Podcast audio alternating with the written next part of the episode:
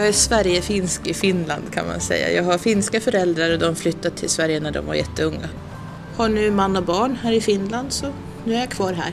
Man lever sådär liksom mellan två kulturer hela tiden men, men jag trivs med det. Det här säger Johanna Blåfjell som ni strax ska få höra i ett samtal om livet. Mitt namn är Ann-Sofie Sandström.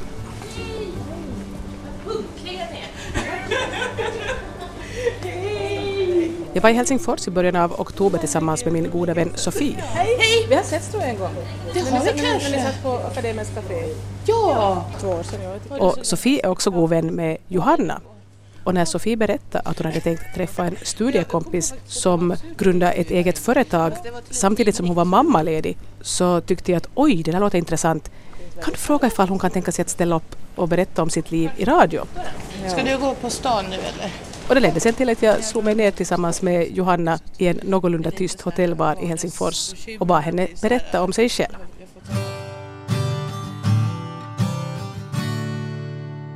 Hej, jag heter Johanna Blåfjeld och eh, bor i Esbo, 31 år. Arbetar med kommunikation, nordisk kommunikation och har flyttat jättemånga gånger, typ 30 gånger i mitt liv och har nu man och barn här i Finland så nu är jag kvar här.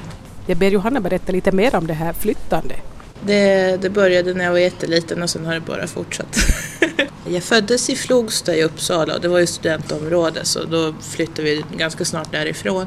Sen har det varit Sunnersta, Almunge, Uppsala, Sigtuna, Märsta, Stockholm, mest norra Stockholm, äh, men också på Söder och söder om Stockholm. Det är de ställena i Sverige som jag har bott på. Och i Finland så har jag bott i Ylihärme, Lapua, Vasa eh, och sen i södra Finland eh, Esbo, Helsingfors och sen gjorde vi faktiskt en liten vända till Pargas också när jag var ungefär fem år. Jag har finska föräldrar och de flyttade till Sverige när de var jätteunga. Så att pappa var 6-7 år och mamma 18 och så träffades de där.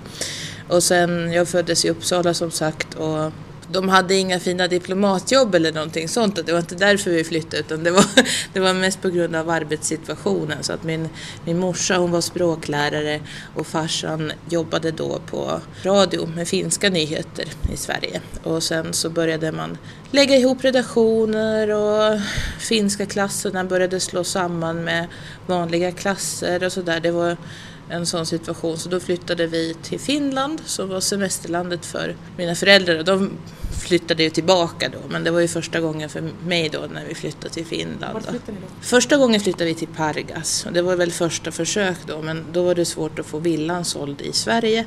Så då flyttade vi tillbaka.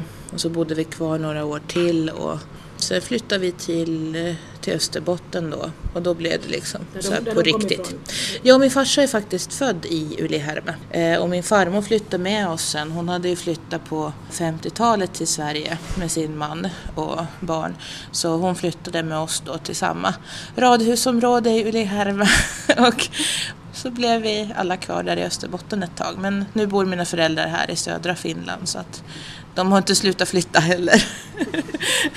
Var gick du då i skola liksom? Huvudsakligen har jag gått i finsk skola. Så att jag gick de två första klasserna i Almunge, eh, nära Uppsala i Sverige. Och sen har jag då gått grundskolan på finska och sen gick jag engelskspråkigt gymnasium i Vasa. IB-linjen där. Rekommenderar varmt. Det var riktigt sköna år. och sen har jag faktiskt, då började jag på statvetenskapliga vid Helsingfors universitet 99 och sen flyttade jag över mina studier till Uppsala när jag började jobba i Sverige med kommunikation då som journalist. Men hur påverkas man av att flytta så där många gånger? Det som jag har lärt mig av de åren, alltså föräldrarna de frågade ju mig alltid liksom att ja men hur känner du inför att flytta? Liksom de tog hänsyn till mig och mina kompisar så det var inte så att det var motvilligt eller så, så här att jag inte ville flytta. Men jag har lärt mig det att man är aldrig fast i en situation. Att man kan alltid resa sig upp och gå. Det är väl det som jag har lärt mig att liksom, det finns andra folk. Det finns andra som man kan fråga och andra som man kan fika med. Det finns andra som finns i livet om du bara öppnar dörren. Så att på det sättet så tycker jag det har varit väldigt positivt att man har flyttat mycket för då man skyller aldrig på omständigheterna utan då man utgår från att man kan ändra det som, som är fel.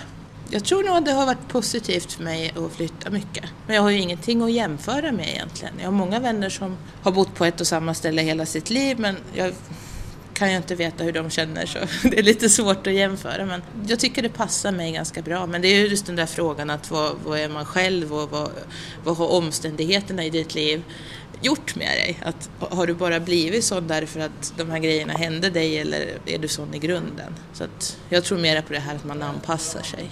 Har du kvar sådana vänner då från olika perioder? Och med Facebook så kan man ju säga att man har vänner kvar från olika tider. Man vet var de finns i alla fall. Man vet var de finns, hur många barn de har, men man vet ju ingenting om hur de har liksom ändrats. Så jag skulle säga att de viktigaste vännerna, som jag kan kalla för vänner, de är nog från universitetstiden egentligen. Och sen i gymnasiet så träffade jag min man, så att på det sättet redan från gymnasietiden. Jag flyttade hemifrån när jag var 16 så det var ganska tidigt och det gjorde min man också för vi träffades då i Vasa på IB-linjen där. Ja, det var den som du Ja precis, så vi bodde i, i Vasa så för min del så de viktigaste kontakterna började väl just där i gymnasiet och sen vidare då så att Vad skulle då Johanna Blåfjell säga att hon är för någonting ifall hon tvingas definiera sig? Är hon finne eller svensk eller någonting annat? Jag skulle säga att jag är Sverigefinsk i Finland. För det, det är ganska svårt när man eh, ska försöka till exempel smälta in i finlandssvenska gruppen. Då är man liksom inte helt helt ändå en, en av dem så att säga. Och så är man inte helt finsk heller för man har en annan stil på något sätt. Jag, vet, jag kan inte sätta fingret på hur det är men, men det är många som säger att de förstår mig bättre när de hör mig prata svenska också för att det förklarar någonting hur jag är som när jag pratar finska liksom. Men sen i Sverige så är jag inte helt svensk heller. För jag är kanske mer kritisk och jag är kanske mer rakt på sak och sådär. Så jag brukar säga att om jag blir arg på finska i Sverige, jag blir arg på finska sättet men pratar svenska, så då tror alla att jag är skitförbannad och liksom tänker riva ner stället. Och sen om jag blir arg på svenska sättet i Finland, då tror alltså ingen tar ju mig på allvar. Om jag går och säger så att ja nu skulle det kanske vara riktigt bra på finska liksom, det funkar ju inte. Så man lever sådär liksom mellan två kulturer hela tiden men, men jag trivs med det.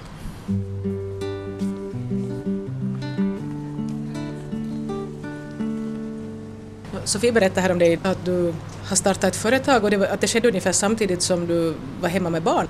Ja, Sofie som, som alltså är min goda vän har lite del, del i det faktiskt för hon var med på min möhippa. Och på min möhippa så satt jag faktiskt och läste en damtidning och där fanns det en artikel om eh, kvinnor som eh, har startat företag deltid. Och jag hade jättelänge gått och grubblat på det här liksom, företagande för jag var väldigt sugen liksom, att starta eget. Men jag hade aldrig den här tiden att fundera på det och liksom, jag hade litet barn hemma och så håller vi på att flytta hela tiden du vet. Så det, det blir liksom inte så mycket tid över för att fundera klart en tanke.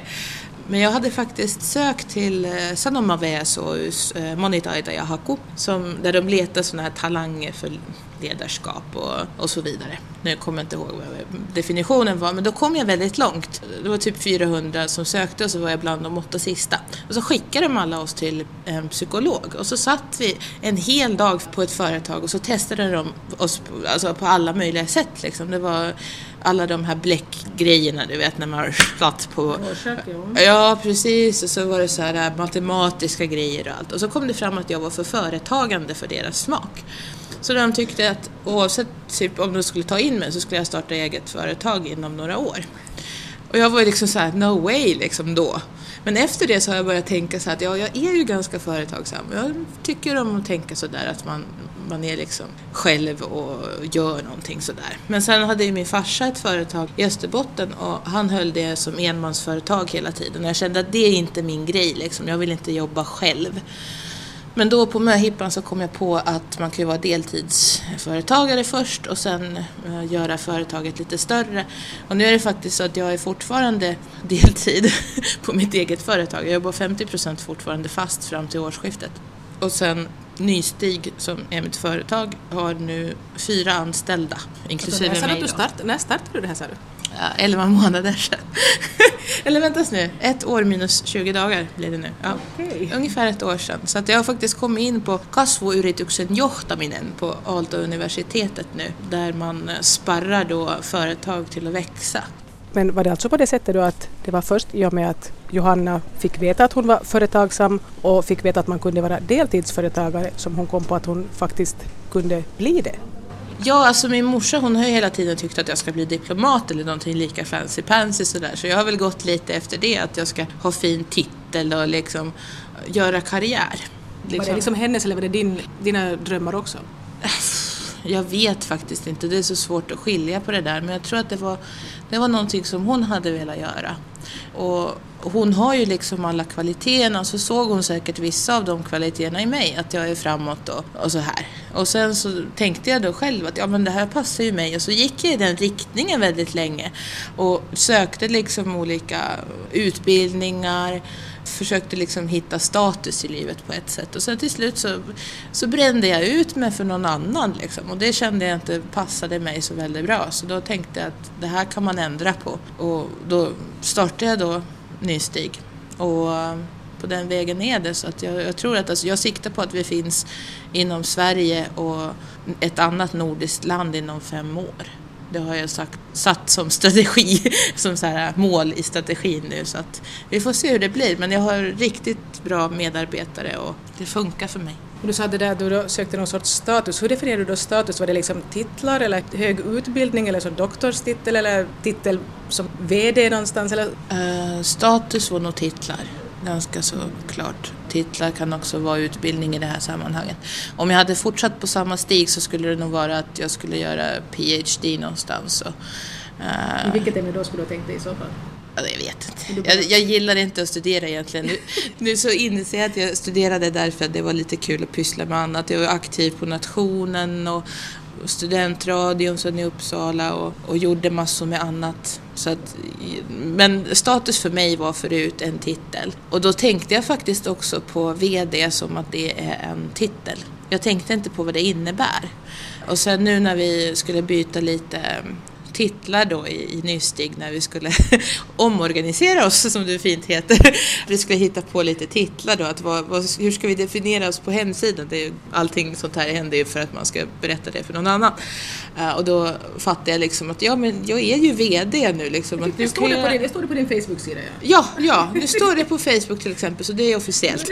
Det var så här att vi skulle då försöka då definiera oss på, på Nystig på något sätt. Så att jag har ju ändå hand om det praktiska och planering och liksom sånt där. Så då, då var det klockrent. Men jag tänkte inte, den här gången tänkte jag inte på det som en statustitel. Utan det här var mer att liksom, det här är vad jag gör nu och vad jag har ansvar för. Att liksom, nu har jag ansvar för att de här personerna har det bra på sin arbetsplats. Liksom. Det är ju det det handlar om. Lagom mycket att göra och inte bränna ut sig och så vidare.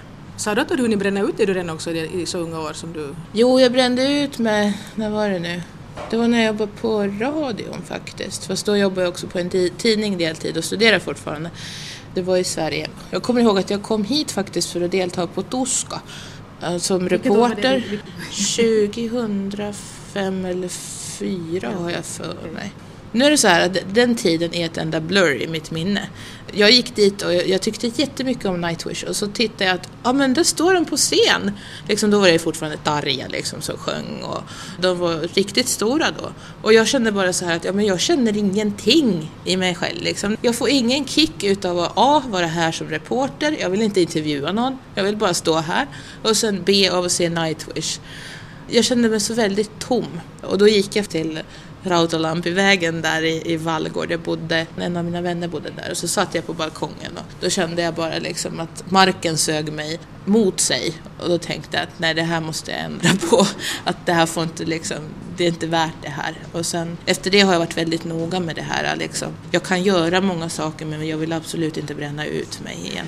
Var det så illa då att du var tvungen att liksom ta paus och vara sjukskriven någonting? Eller? Ja, då bodde jag i Sverige, så då gick man till eh, lokala vårdcentralen och sa till läkaren att nu är jag slut. Och så fick man tjänstledigt. Eller inte tjänstledigt, vad heter det? Jag blev sjukskriven helt enkelt. Och sen blev jag faktiskt tjänstledig också efter ett tag från, från min tjänst då. För jag kände att, att det funkar inte att, att jobba så som jag gjorde då. Det var en sån tid i livet liksom. Jag, jag jobbade 80 procent sammanlagt och så skrev jag det i uppsats. Och, eller C-uppsats var det väl då jag tror att jag gjorde liksom motsvarande kandexamen då och jobbade ändå så mycket.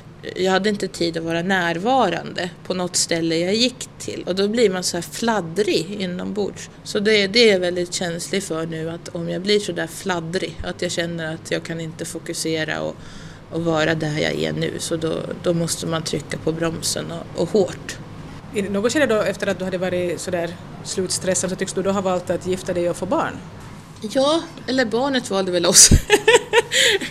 det, det, blev så. Det var, det var ganska skönt faktiskt. Det var, det var inte planerat men det, det är självklart att eh, det var en väldigt trevlig överraskning. Det var det. Vi hade ju känt varandra sedan vi var 16, Henrik och jag, så vi hade väl funderat på det ändå. Det var inte så att det var en överraskning så. Och om jag skulle skaffa barn med någon så är det, är det Henrik, liksom. ingen annan i den här världen. Det, det skulle inte funka. Så det var tidpunkten som var en överraskning? Tidpunkten, ja. Man var inte förberedd på det helt enkelt. Alltså jag hann göra allt möjligt man inte får under en graviditet. När jag, liksom de första sju veckorna. Liksom. Jag var med en pressgrupp då till Åre. Så till exempel åkte slalom och föll i backen, vilket man inte får göra när man är gravid. Jag käkade därefter då triangelmedicin och sen så blev jag full några gånger och så rökte jag liksom. Det var hela festrullandet och det var en bal också som jag deltog på och liksom så här. Jag gjorde allt som var onyttigt helt enkelt. Nej, sju veckor gick och sen så började jag känna så här, nej nu är det någonting på G. och så och så gick jag faktiskt, jag trodde att jag höll på att bli utbränd igen, så jag gick till min chef och sa att jag mår inte bra nu. Och hon frågade mig så här, har du gjort ett, ett test? Liksom, så, Nej, det har jag inte gjort, det är inte möjligt. Och sen så gjorde jag det då, eh, samma kväll då hemma. Och sen efter det så promenerade jag till apoteket och köpte tre test till. det här var liksom uh, stor överraskning. Liksom. Preventivmedel, de, de är ju liksom 99% säkra. Så att uh, det finns alltid den där. Uh. Men han är annars liksom Leo, min son, en så här riktigt tuff kille så han fixade de där första sju veckorna där även om jag försökte göra allt fel där de, de veckorna. Och... Gick du omkring och var orolig då när du just visste att du hade levt sådär fel de här första veckorna? Nej, det tänkte jag faktiskt inte på. Jag tänkte liksom att fan att man har varit så dum att man har gjort det här men sen tänkte jag att jag, jag, kunde inte veta någonting om det. Så att det var ju inte så att jag gjorde det med flit och då kan man inte gå och fundera på det. Så jag tänkte att om, om det blir handikappat, ja, då, då blir det det. då får man ta det som det kommer. men så blev det alltså inte? Nej, nej, han är född frisk och överraskar mig positivt varje dag. Jag fattar inte hur han blev så bra. Hur gammal är han nu då? äh, två.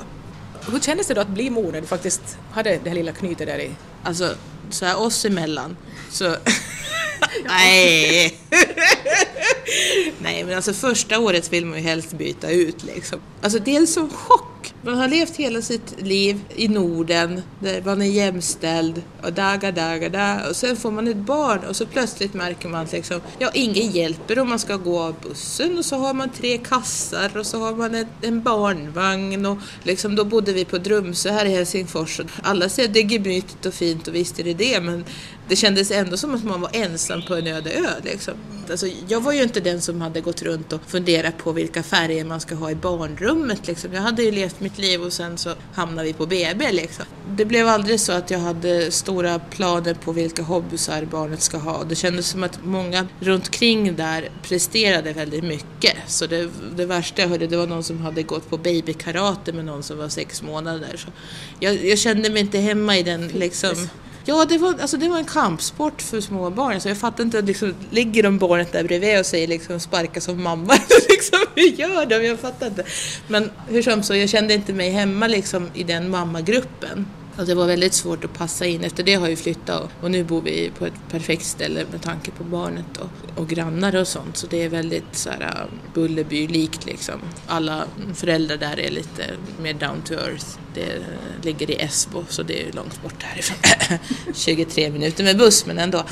Men jag tyckte det var väldigt svårt men eh, mycket berodde på att jag fick, eh, jag har Hortons syndrom, cluster headache. Det är en typ av väldigt svår huvudvärkstyp.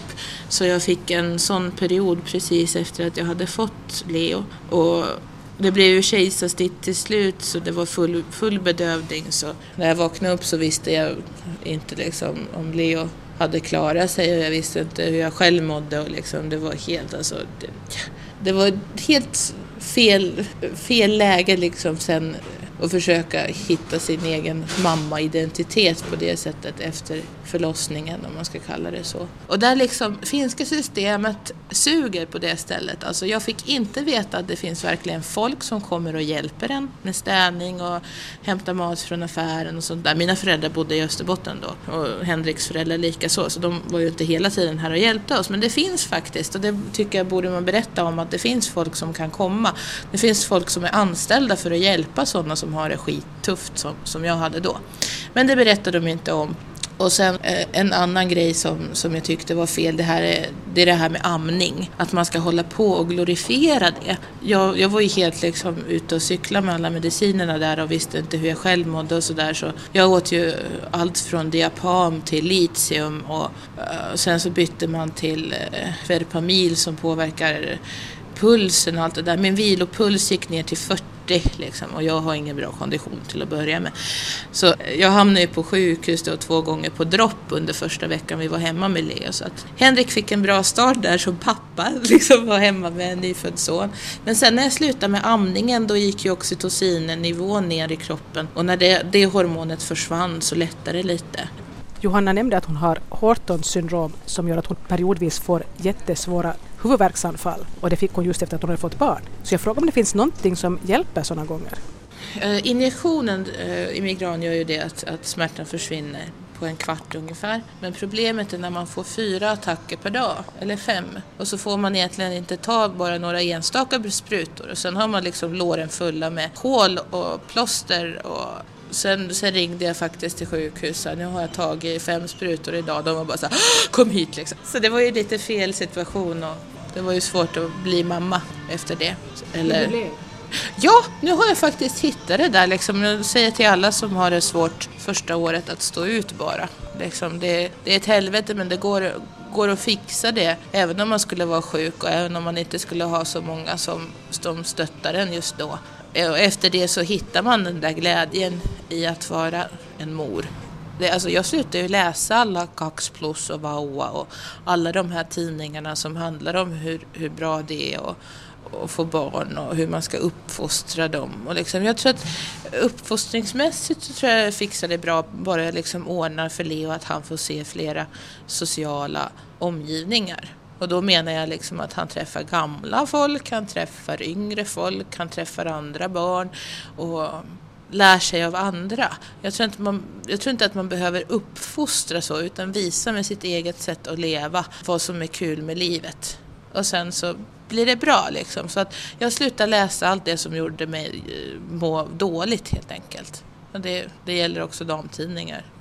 Hur förhöll du dig till det här med att bli mamma före du som råkade bli gravid? Att hade du tänkt att jag ska någon gång bli mamma? Jag tänkte så här, jag är lite så här från, från mammas sida hade jag det här med status och framåtanda och sådär och från pappas sida har jag det här gardera med kryss och se till att du har det bra men kom ihåg att vara snäll mot andra och hjälpa dem i den mån du kan utan att ta stryk själv. Och då tänkte jag faktiskt på det här med att skaffa barn som att om Henrik och jag inte får barn, ja men då kanske jag kan bidra till samhället på något annat sätt. För det har jag väldigt eh, starkt inom mig att jag ska bidra till samhället och det tycker jag också är väldigt nordiskt, att man ska liksom vara en del av samhället på ett sätt som passar en men liksom till för andra också, vara tillgänglig så. Så jag tänkte faktiskt att vi skulle kunna vara en stödfamilj kanske någon gång. Eller sen om, om Henrik inte hade tyckt att, att det är bra så då hade jag kunnat jobba på någon krislinje eller, eller sen varit där för någon annans barn och varit den galna tanten eller vad fan. Liksom det kan ju vara, man kan ju liksom hjälpa mänskligheten framåt på så många olika sätt. Trots den första tunga tiden som mamma så hade Johanna ändå tillräckligt med energi för att starta ett företag för ungefär ett år sedan. Jag blir väldigt engagerad, jag blir väldigt energisk av att göra nya saker. Så jag grundade Nysteg ungefär ett år sedan och Leo är nu två. Ja, Leo var ungefär ett år då. Så att det var, det var väl då jag började känna att jag började komma ur den här dimman. Och då, det är ju faktiskt det väldigt positiva med, med kriser, att man värderar om livet och funderar på vad är det som jag vill göra egentligen. Och i och med att starten var så tuff så, så var jag tvungen också att fundera på, jag hade ett yrke då där jag reste väldigt mycket. Eh, jag var PR manager så det var PR och press och presstillfällen, pressresor, väldigt mycket borta hemifrån och sådär. Och jag kände att nej, nej, nu, nu får det vara så här, nu ska jag vara mer i Finland men jag vill, ville på något sätt eh, hålla kontakten med, med Sverige och svenska språket. Då.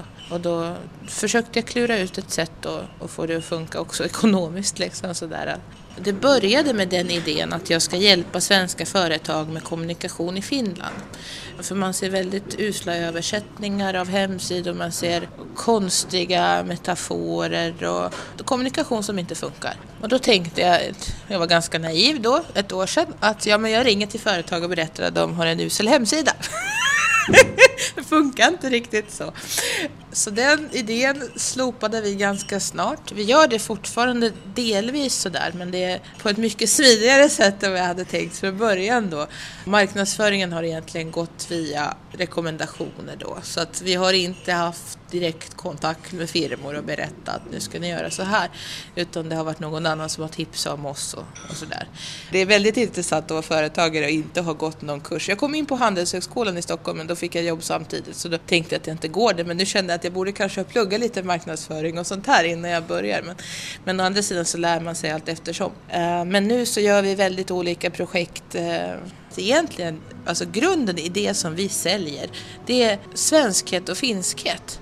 Vi är kulturella tolkar men vårt verktyg är kommunikation och då texter och bilder och hemsidor. Liksom det, det var det på konkret nivå sen men, men det är just det där som, som företag ofta behöver. Namnet då?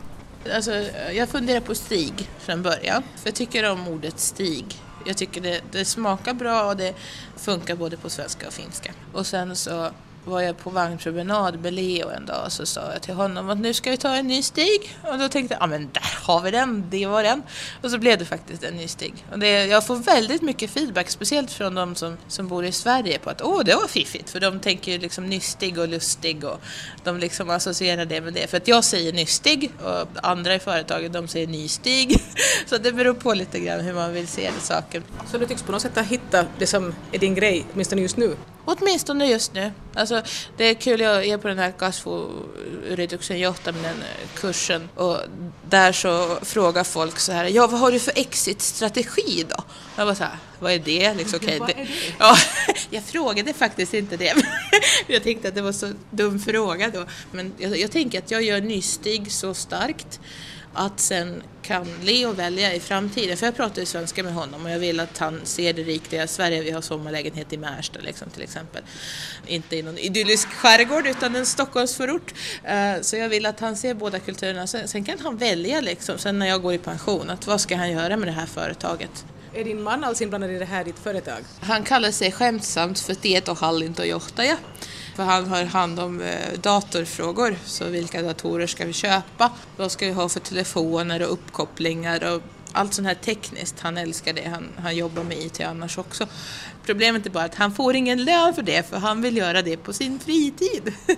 så att för mig funkar det bra, men liksom, det är lite det här att liksom, han vill hjälpa till på det sättet och visst får han det, men det känns ändå som att ja, jag läste någon gång någonstans att det bästa man kan göra som kvinna då, om man tänker på att bli företagare, det är att skaffa sig den kunskapen som krävs för att genomföra den här idén samt gifta sig med rätt man.